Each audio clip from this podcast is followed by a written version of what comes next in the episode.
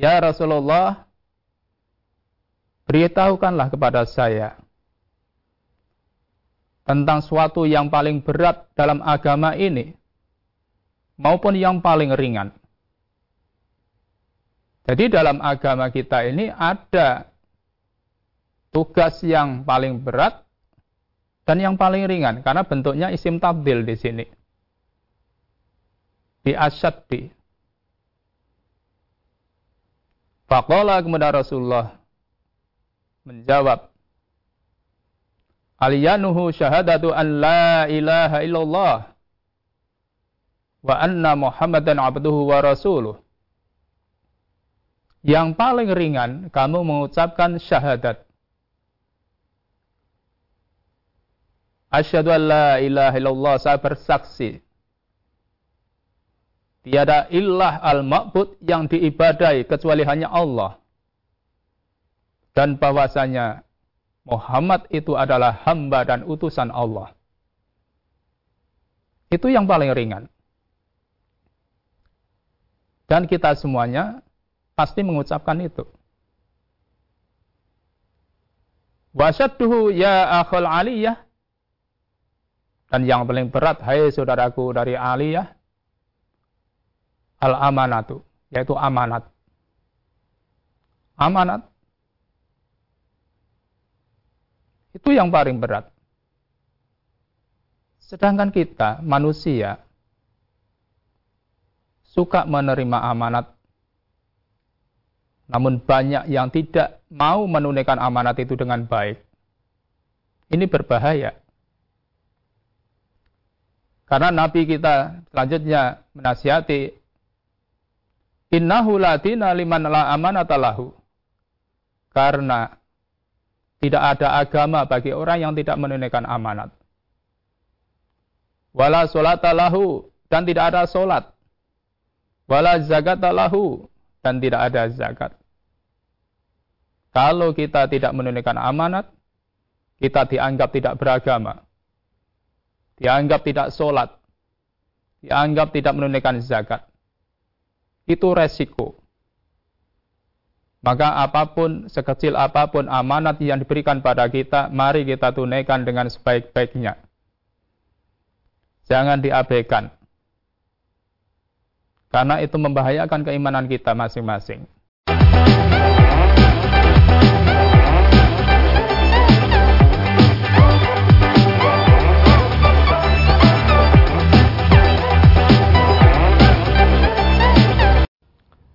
Bismillahirrahmanirrahim. Assalamualaikum warahmatullahi wabarakatuh. Saudaraku pemirsa channel terpilih MTA TV di mana pun anda berada. Puji syukur Alhamdulillah senantiasa kita panjatkan kehadirat ilahi Rabbi Allah subhanahu wa ta'ala Atas kenap karunia nikmat dan juga rahmatnya untuk kita semua Di perjumpaan awal aktivitas pagi hari ini. Kita jumpa kembali di program unggulan Fajar Hidayah Dan Alhamdulillah sudah hadir Ustaz Sunarno yang nanti akan melanjutkan pelajaran sekaligus memberikan pencerahan untuk kita semua di kesempatan kali ini. Assalamualaikum warahmatullahi wabarakatuh Ustaz. Waalaikumsalam. Kabar baik dan sehat pagi ini Ustaz. Alhamdulillah baik. baik Alhamdulillah sehat. baik. Dan pemirsa nanti bisa bergabung bersama kami di line telepon 02716793000 SMS dan juga di WA kami di 08112553000. Mari kita simak pelajaran kita pagi ini. Silakan. Bismillahirrahmanirrahim. Assalamualaikum warahmatullahi wabarakatuh. Alhamdulillah wa syukurillah. La hawla wa la quwata illa billah. Asyhadu an la ilaha illallah wahdahu la syarika lah. Wa asyhadu anna Muhammadan abduhu wa rasuluh. Allahumma salli wa sallim ala Muhammadin wa ala alihi wa ashabihi ajma'in amma ba'd. Saudaraku, pemirsa dan pendengar di mana pun berada yang dirahmati Allah insya Allah yang saya cintai, yang saya hormati. Syukur Alhamdulillah Alamin pagi ini Allah senantiasa curahkan anugerah pada kita sehingga kita diperkenankan mengawali aktivitas kita dalam keadaan sehat walafiat. Saudaraku, pagi ini kita akan berbicara tentang memikul amanat adalah tugas yang berat Allah Subhanahu wa taala berfirman dalam surat Al-Ahzab ayat 72. A'udzu billahi minasyaitonir rajim. Inna 'aradna al-amanata 'ala samawati wal ard wal jibali fa abaina ayahmilnaha wa asfaqna minha wa hamalaha al-insanu innahu kana zaluman jahula Inna aradna al-amanata Sesungguhnya kami Allah mengemukakan amanat-amanat ala samawati wal ardi wal jibali kepada langit, bumi, gunung-gunung. Fa'abaina maka gunung, bumi, langit semuanya enggan. Ayah milnaha untuk memikul amanat itu. Wa asfaqna minha karena khawatir mereka akan mengkhianati tidak bisa menunaikan kewajibannya mengkhianatinya itu yang dikhawatirkan Ali Ibnu Abu Talha telah meriwayatkan dari Ibnu Abbas bahwa amanat ini adalah fardu-fardu. Menurut Ibnu Abbas yang dimaksud amanat-amanat itu adalah fardu-fardu atau kewajiban-kewajiban yang ditunaikan. Yang ditawarkan pada langit, bumi, gunung-gunung. Jika mereka menunaikan dengan baik, maka Allah akan memberikan pahala. Namun jika mereka menyia-nyiakan amanat itu, maka Allah akan mengazab mereka. Maka mereka tidak sanggup dan mereka takut memikul tanggung jawab amanat ini karena takut adanya pelanggaran. Maka demi menghormati agama Allah ini, mereka tidak mau menerimanya.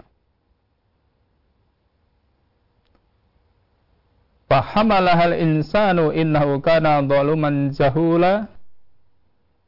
dan dipikulah amanat itu oleh manusia. Sesungguhnya manusia itu amat zalim dan amat bodoh. Maka Allah menawarkan kepada manusia yakni Adam. Dan ternyata Adam mau menerimanya berikut segala konsekuensinya. Maka dalam waktu yang tidak begitu lama, Adam melakukan pelanggaran, yaitu memakan buah koldi. Itulah yang dimaksud firman Allah SWT, dan dipikulah amanat itu oleh manusia. Sesungguhnya manusia itu amat dalim dan amat bodoh. Itu menurut Ibnu Abbas. Saudaraku, ayat ini sebagai pelajaran untuk kita. Kita sebagai anak turun Adam memikul amanat. Kita semua punya amanat. Maka Allah mengingatkan pada hambanya orang-orang beriman tentang amanat ini dalam ayat yang sudah sangat populer. Dalam surat Al-Anfal ayat 27 itu Allah mengingatkan kita. Ya ayyuhalladzina amanu, hei orang-orang yang beriman, mudah-mudahan kita termasuk hamba yang beriman. La takhunullaha wa rasulah Janganlah kalian mengkhianati Allah, mengkhianati Rasul. Maksudnya, kita jangan mengkhianati Allah. Allah sebagai Khalik yang menciptakan alam semesta ini, Allah yang memberikan kehidupan pada alam semesta ini, termasuk diri kita maka jangan sampai kita tidak menunaikan perintah-perintahnya. tidak mau menjauhi larang-larangnya, Dan jangan sampai kita berkhianat pada Rasul. Karena Rasul itulah hamba yang diutus oleh Allah untuk membimbing manusia Hamba yang menerima wahyu dari Allah untuk membimbing perjalanan manusia menuju pada jalan yang menyelamatkan hidup di dunia maupun di akhirat. Maka mari kita ikuti apa yang diajarkan oleh Rasulullah sallallahu alaihi wasallam. Wa takhunu amanatikum wa antum ta'lamun. Dan janganlah kamu mengkhianati amanat-amanat yang dipercayakan pada kamu. Sedang kamu mengetahui. Saudaraku, terutama kita-kita ini Watahunu amanatikum kita masing-masing punya amanat yang harus kita tunaikan. Baik secara pribadi kita diberi amanat oleh Allah SWT. Kita diberikan perlengkapan namanya panca indera. Itu amanat dari Allah SWT. Jangan sampai salah dalam menggunakannya. Karena semua itu Allah berikan pada hamba supaya bisa menjalani kehidupan ini sesuai dengan apa yang dituntunkan. Menuju pada jalan yang diridhoinya. Kita diberikan mata, telinga, lesan, tangan, kaki, dan lain sebagainya. Ini semuanya tujuannya untuk menghambakan diri pada Allah SWT. Itu secara pribadi. Masing-masing kita punya. Kemudian dalam kehidupan rumah tangga, kita juga dipercayakan untuk memikul amanat. Kita sebagai suami itu memikul amanat untuk memimpin keluarganya pada jalan yang diridai Allah SWT. Istri kita itu amanat yang dipercayakan pada kita, yang harus kita didik, kita jaga, kita arahkan menuju jalan yang diridhoi oleh Allah SWT. Anak-anak kita amanat yang diberikan pada kita, yang harus kita pelihara, kita jaga, kita didik supaya menjadi anak-anak yang soleh dan solihah. Dan masih banyak yang perlu kita tunaikan dalam kehidupan ini. Masing-masing itu punya tanggung jawab.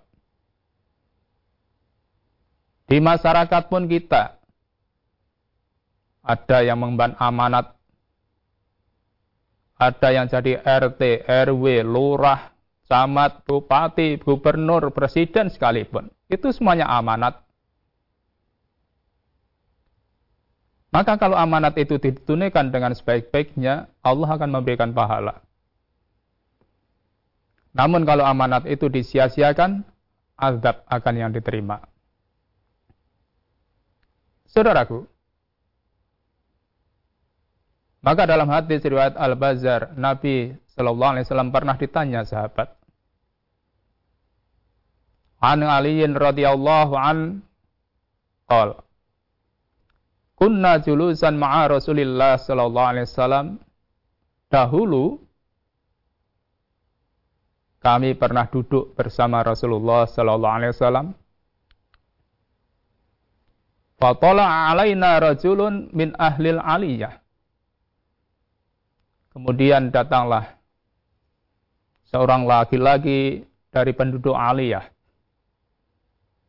Faqala kemudian matur pada Rasulullah SAW, Ya Rasulullah, akhbirni bi asyari syai'in fi hadad din wa aliyani. Ya Rasulullah, beritahukanlah kepada saya tentang suatu yang paling berat dalam agama ini maupun yang paling ringan.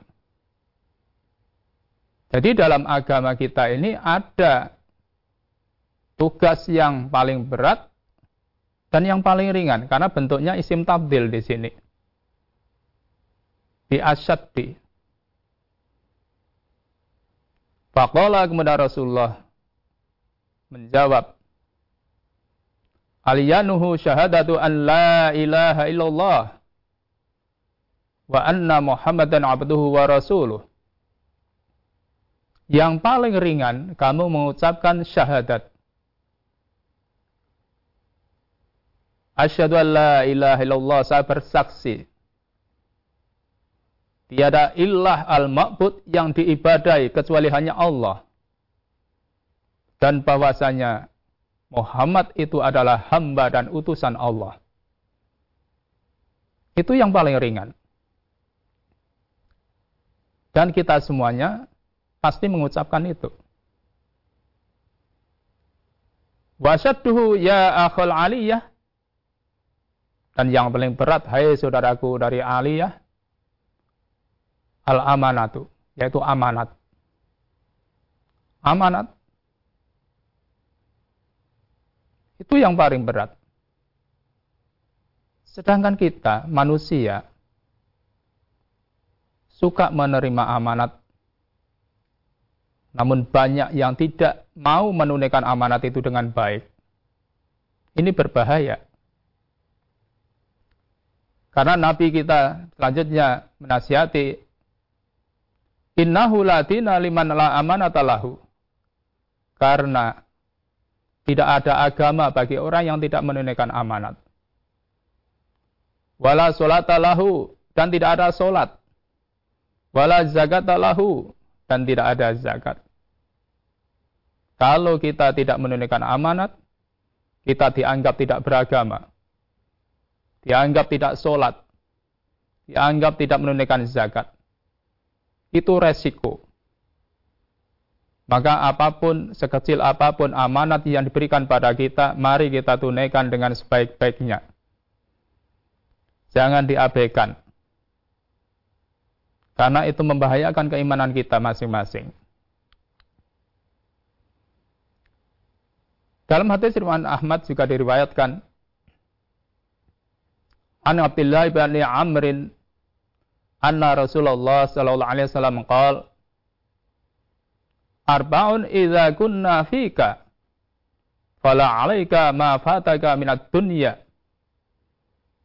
Empat perkara jika keempat-empatnya itu ada pada kamu, maka tidak akan membahayakan kamu kalau dunia terlewatkan dari kamu. Maksudnya apa?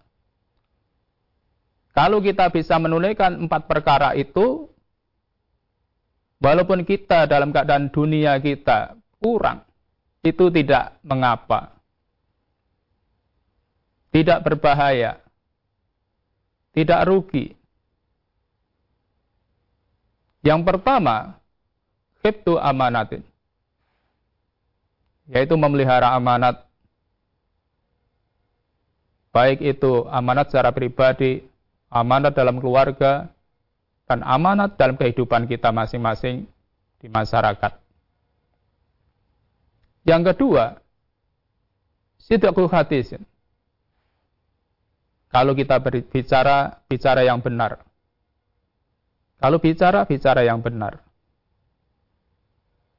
Karena bicara yang benar itulah yang menyelamatkan hidup kita. Yang ketiga, husnu khaliqatil. Berakhlak yang baik. Maka mari kita berakhlak yang baik dalam kehidupan. Akhlak secara pribadi, dalam kehidupan rumah tangga kita, di masyarakat kita. Apalagi kita sebagai seorang muslim, harus berakhlak yang mulia. Kemudian yang keempat, wa'ibatu tu'mihi. Dan makanan kita, makanan yang halal, makanan yang halal. Maka kalau makanan kita halal, akhlak kita baik, kita bicara benar, kita menunaikan amanat, itu semuanya akan membahagiakan hidup kita. Itu jaminan. Walaupun dunia kita dianggap kurang, nggak jadi masalah. Saudaraku, maka Rasulullah SAW memberikan jaminan. Jaminan ini. An Ubadah bin Samitin radhiyallahu an anna Nabiya sallallahu alaihi wasallam qala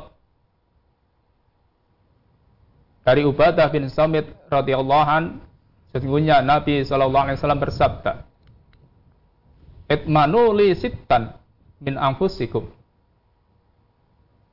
Jaminlah aku enam perkara dari kamu. Atman lagumul jannah, aku jamin kamu masuk surga. Ini jaminan Rasulullah.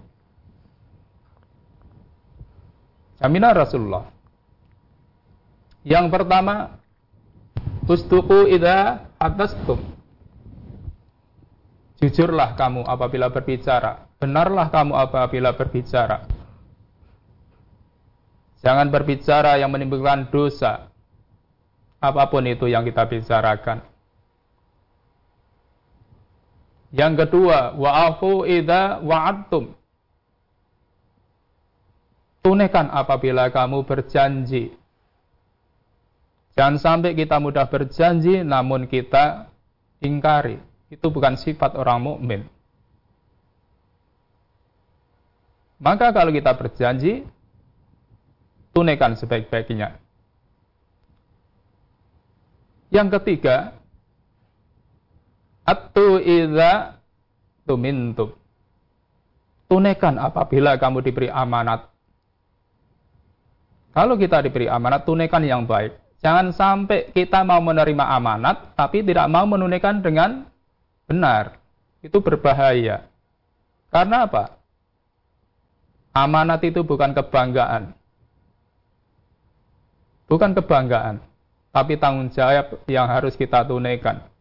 Resikonya, resikonya kalau tidak kita tunaikan, adab yang akan kita terima. Namun kalau kita tunaikan dengan baik, kita dapatkan pahala. Yang keempat, kita dididik wahfadu furujakum. Jagalah kehormatanmu, jagalah kemaluanmu. Jangan digunakan kecuali yang halal. Yang kelima, waghuddu absarakum. Tundukkan pandangan dari berbuat maksiat. Kemudian yang terakhir, yang keenam, wakufu aitiyakum. Jagalah tanganmu dari berbuat yang tidak baik. Saudaraku, inilah jaminan-jaminan Rasulullah yang kalau kita bisa menunaikan Rasulullah jamin kita masuk surga. Hadis surat Ahmad, Abu Dunya, Ibnu Hibban dalam sahihnya Hakim dan Al-Baihaqi. Saudaraku, mudah-mudahan kita bisa mengamalkan petunjuk-petunjuk dari Allah dan Rasulnya dalam kehidupan kita masing-masing sehingga kita dalam menunaikan amanat apa pun yang ada pada diri kita dan pasti kita ada itu. Maka mari kita tunaikan dengan sebaik-baiknya. Semoga kita menjadi hamba yang muktaman yang mendapatkan kebaikan dalam kehidupan ini. Begitulah saudaraku semoga bermanfaat untuk saya dan kita semuanya terima kasih Baik pemirsa, kami harapkan Anda bisa bergabung bersama kami di line telepon 0271 679 3000, SMS dan juga di WA kami di 08 11 255 3000. Namun sebelumnya kita akan simak beberapa informasi dalam rangkaian jeda pariwara berikut ini. Baik, selalu pemirsa channel terpilih MTA TV di mana pun Anda berada, terima kasih Anda masih setia bersama kami, khususnya di program unggulan Fajar Hidayah pagi ini. Kami persilakan kesempatan pertama di line telepon 6793000. Halo, Assalamualaikum. Halo, Assalamualaikum. Waalaikumsalam warahmatullahi Dengan siapa di mana Ibu? Waalaikumsalam warahmatullahi wabarakatuh. Dengan Nenek Ros, Ekor Asal Sumatera Utara, Ustaz. Silakan Eros. Ya, makasih. Assalamualaikum, Ustaz. Waalaikumsalam warahmatullahi wabarakatuh. Mangga Ibu Ros Sumatera. Izin bertanya, Ustaz. Gimana Ustaz kalau kita setelah saya ngambil air wudhu, kan wajah kita basah. Apakah boleh dielap, Ustaz? Terima kasih jawabannya. Assalamualaikum warahmatullahi wabarakatuh. Waalaikumsalam warahmatullahi Coba wabarakatuh. diulang. Apa setelah kita mengambil air wudhu, wajah kita boleh dilap?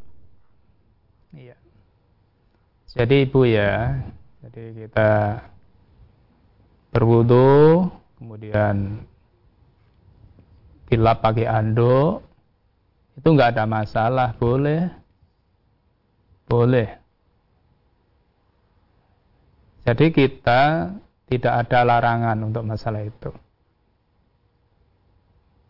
Begitu.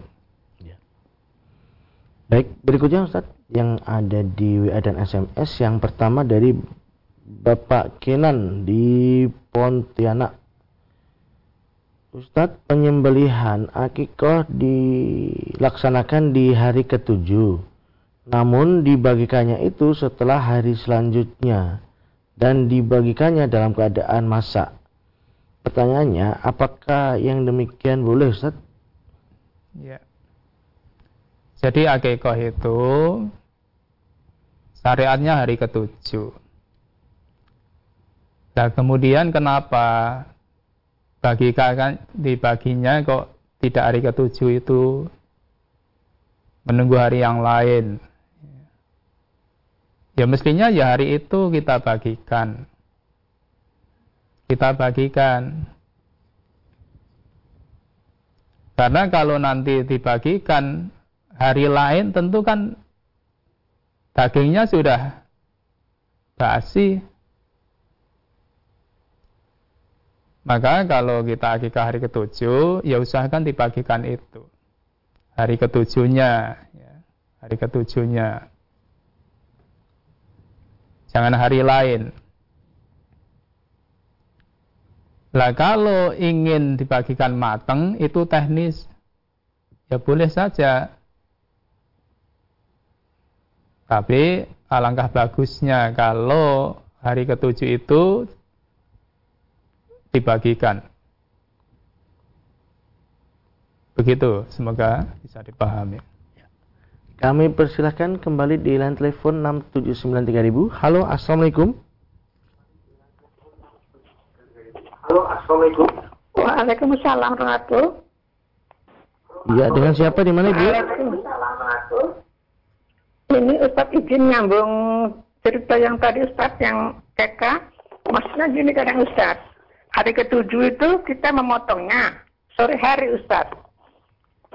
Untuk dimasak besok paginya supaya cepat dibagi, baginya esok harinya gitu ya. Motongnya hari ketujuh Ustaz. Dan satu lagi misalnya motongnya hari ke-6, baginya tanggal 7 gimana? Maksudnya bagi, bagi matang. Hari ke-7 itu sore dibeleh. Besok paginya dimas terus langsung dimasak malam, paginya langsung dibagikan, tapi sudah hari ke-8. Ya. Nah, yang kedua Ustaz, bisa tanggal 6. Motongnya tanggal 6, baginya tanggal 7 gitu. Gimana Ustaz?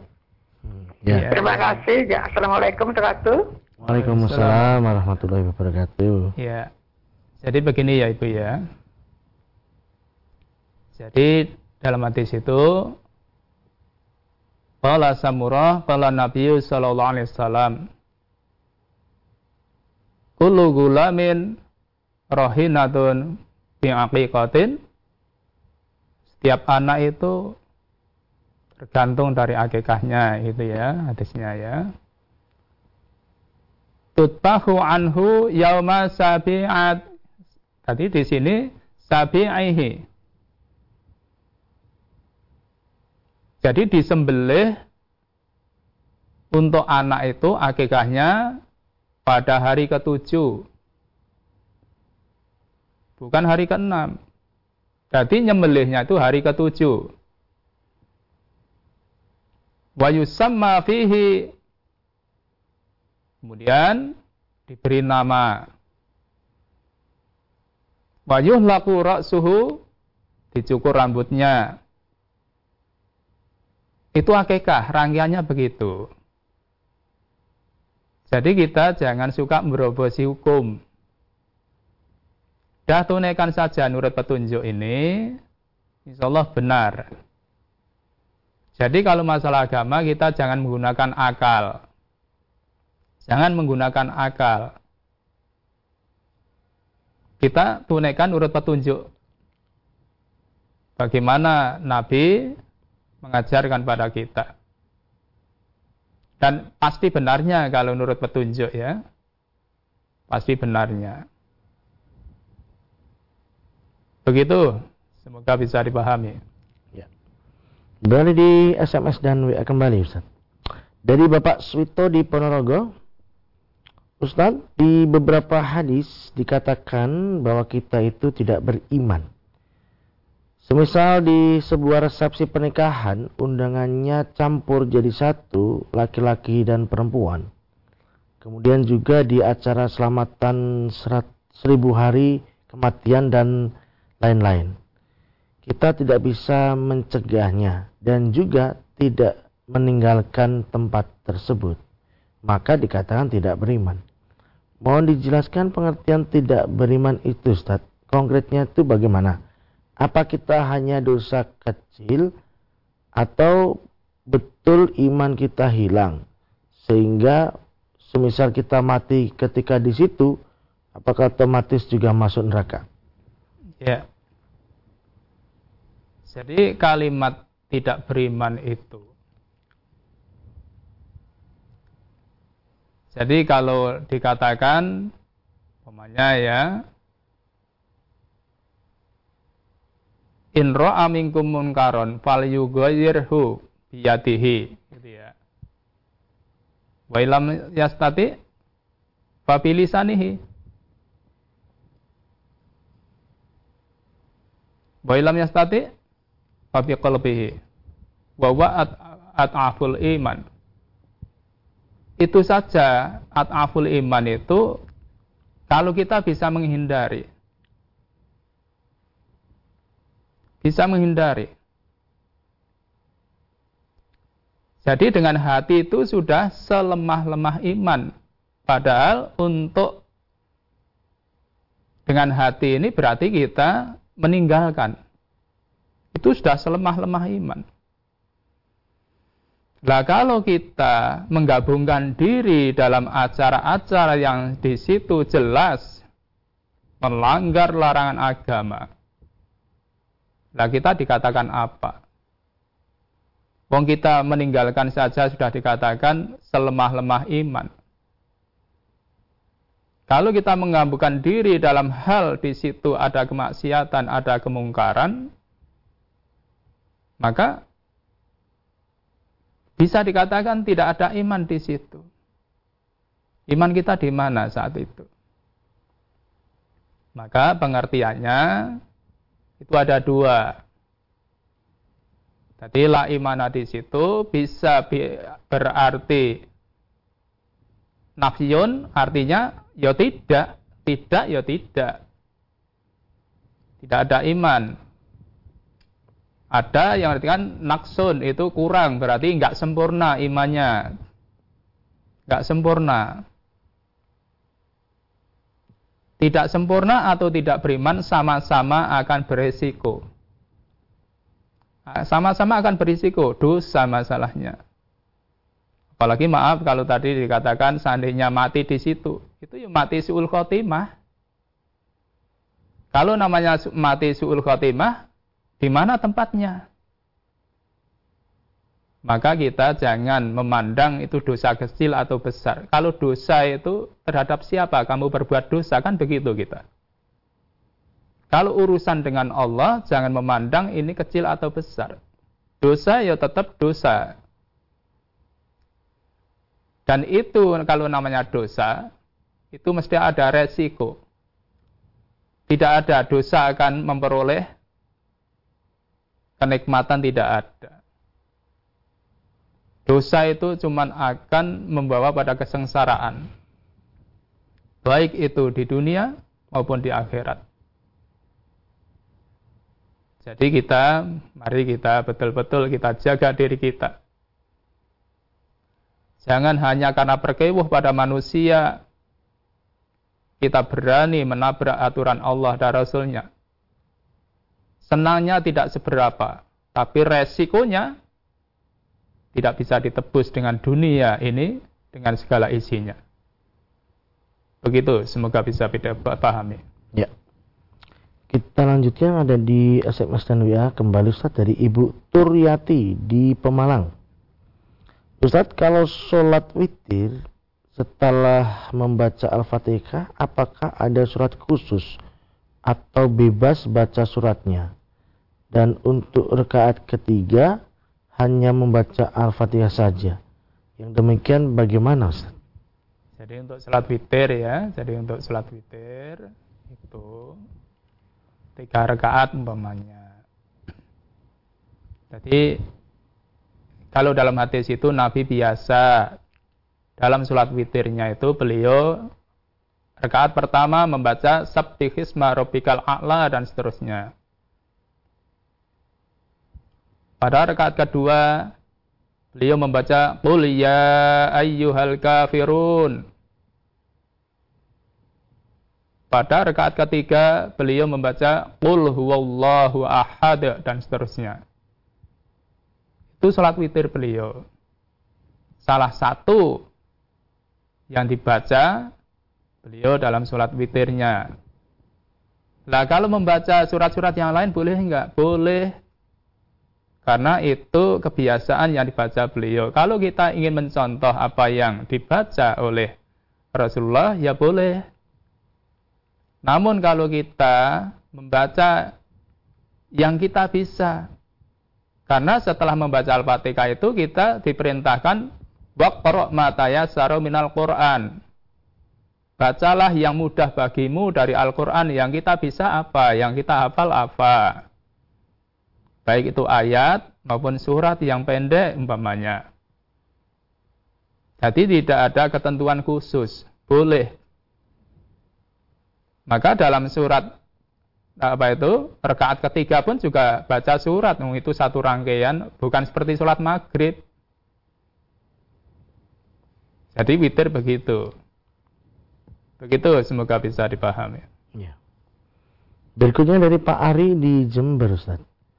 Apakah ada bacaan zikir sholat sunnah rawatib Ustaz? Ya. Jadi dalam sunnah rawatib itu tidak ada zikir khusus tidak ada. Jadi yang ada itu zikir setelah sholatul maktubah, sholat wajib. Kalau sholat wajib itu memang syariatnya sudah jelas. Nah kalau sholat sunnah tidak ada. Tidak ada.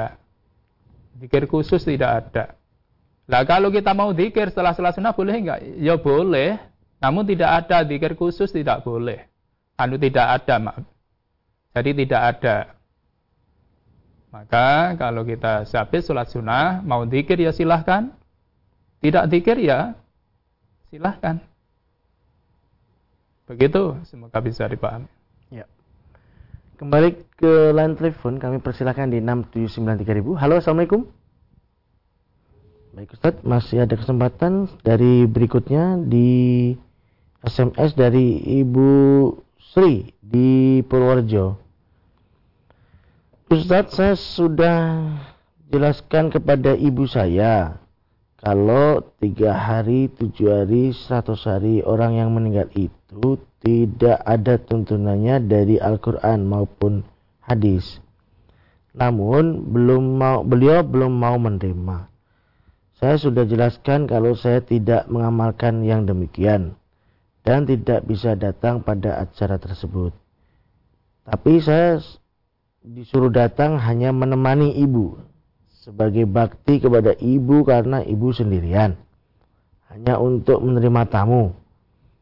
Yang demikian bagaimana Ustadz? Saya harus bersikap Dan yang kedua, kalau hari Jumat lupa sholat duhur, apa harus sholat lagi sholat Jumat? Demikian. Iya. Jadi yang pertama ya, jadi ibu sudah menjelaskan pada ibunya untuk tidak melaksanakan itu tadi tiga hari, tujuh hari dan seterusnya. Jadi kalau masalah yang dikerjakan oleh ibunya itu yang penting ibu mulai ibtak binafsik, mulai dari dirimu sendiri dulu. Karena ibu melakukan begitu tentu karena belum mengerti. Belum punya ilmunya. Belum punya ilmunya. Nah, sebagai anak yang sudah mengerti, memberikan tahu. Namun kalau belum mau, ya dimulai dari dirinya sendiri. Ibta binafsi. Kita harus tegakkan dulu pengertian apa yang sudah kita yakini, kita tidak melaksanakan seperti yang sebagaimana disebut tadi. Nah kemudian diminta untuk menemani, untuk menerima tamu, yaitu sama saja. Kalau memang tidak, ya tidak. Agama itu tidak ada tawar-menawar dalam hal itu. Maka walaupun itu yang merintahkan ibu, kita diajarkan oleh Allah. Wa in jahadaka ala an tusyrika bima ma laisa laka ilmun fala tutihuma kan begitu ya. Kalau dipaksa untuk melakukan sesuatu yang di situ ada unsur-unsur yang akan membawa dosa, membawa bentuk-bentuk kesyirikan. Walaupun yang perintahkan ibu, fala tuti'uma jangan ditaati. Kita lebih pantas dan lebih patut untuk mentaati Allah daripada mentaati orang tua kita kalau itu bertentangan dengan petunjuk Allah. Maka kalau dalam hal berbakti tidak bisa dicampur adukkan. Kalau itu melanggar larangan, kita tidak ada kata-kata berbakti dalam hal mentaati hal yang dilarang oleh agama tidak ada. Berbakti itu dalam hal yang baik-baik. Maka kalau itu sudah urusan agama, urusan iman, keyakinan, maka kita pegang petunjuk dari Allah dan Rasulnya, dan kita tinggalkan siapa pun itu yang merintahkan, walaupun orang tua kita sendiri maka kita lebih taat pada Allah daripada taat pada manusia. Siapa pun itu orangnya. Begitu, semoga bisa dipahami. Ya. Baik Ustaz, kami sampaikan terima kasih atas pelajaran di kesempatan kali ini. Assalamualaikum warahmatullahi wabarakatuh. Waalaikumsalam warahmatullahi wabarakatuh.